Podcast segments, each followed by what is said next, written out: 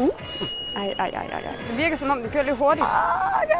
Er du på røven? mangler penge til en ny telefon? Eller et nyt transportmiddel? Så kan det være, at, øh, at du har brug for at låne penge. Og derfor så vil jeg vise dig tre forskellige forbrugslån, og hvad du skal kigge på, inden du tager et lån. Okay, Groft sagt findes der tre forskellige typer forbrugslån. SU-lån, et lån, som du kun kan tage, hvis du er studerende.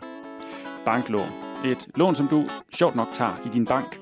Og kviklån, et lån, som kendetegnes ved, at man kan tage det hurtigt på nettet eller via sms. Så kigger vi på, hvis du skal låne for eksempel 10.000 kroner, så ser regnestykket sådan her ud.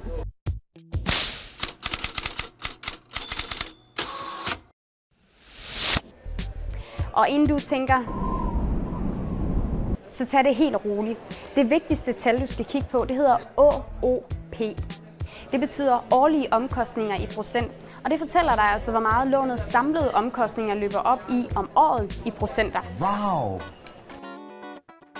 Vender vi tilbage til regnestykket fra før, så kan vi se, at et kviklån med en OOP på 41,9 procent i det her tilfælde altså koster over 2.000 kroner i samlede omkostninger.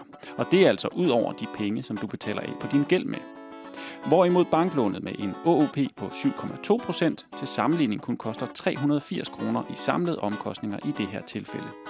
Og SU-lånet med en OOP på 4,1% koster her kun 218 kroner i samlede omkostninger.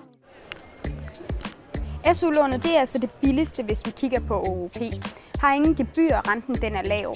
Men ud over OOP, så er der altså slet andre forskelle på lånet, så dem tager vi lige her.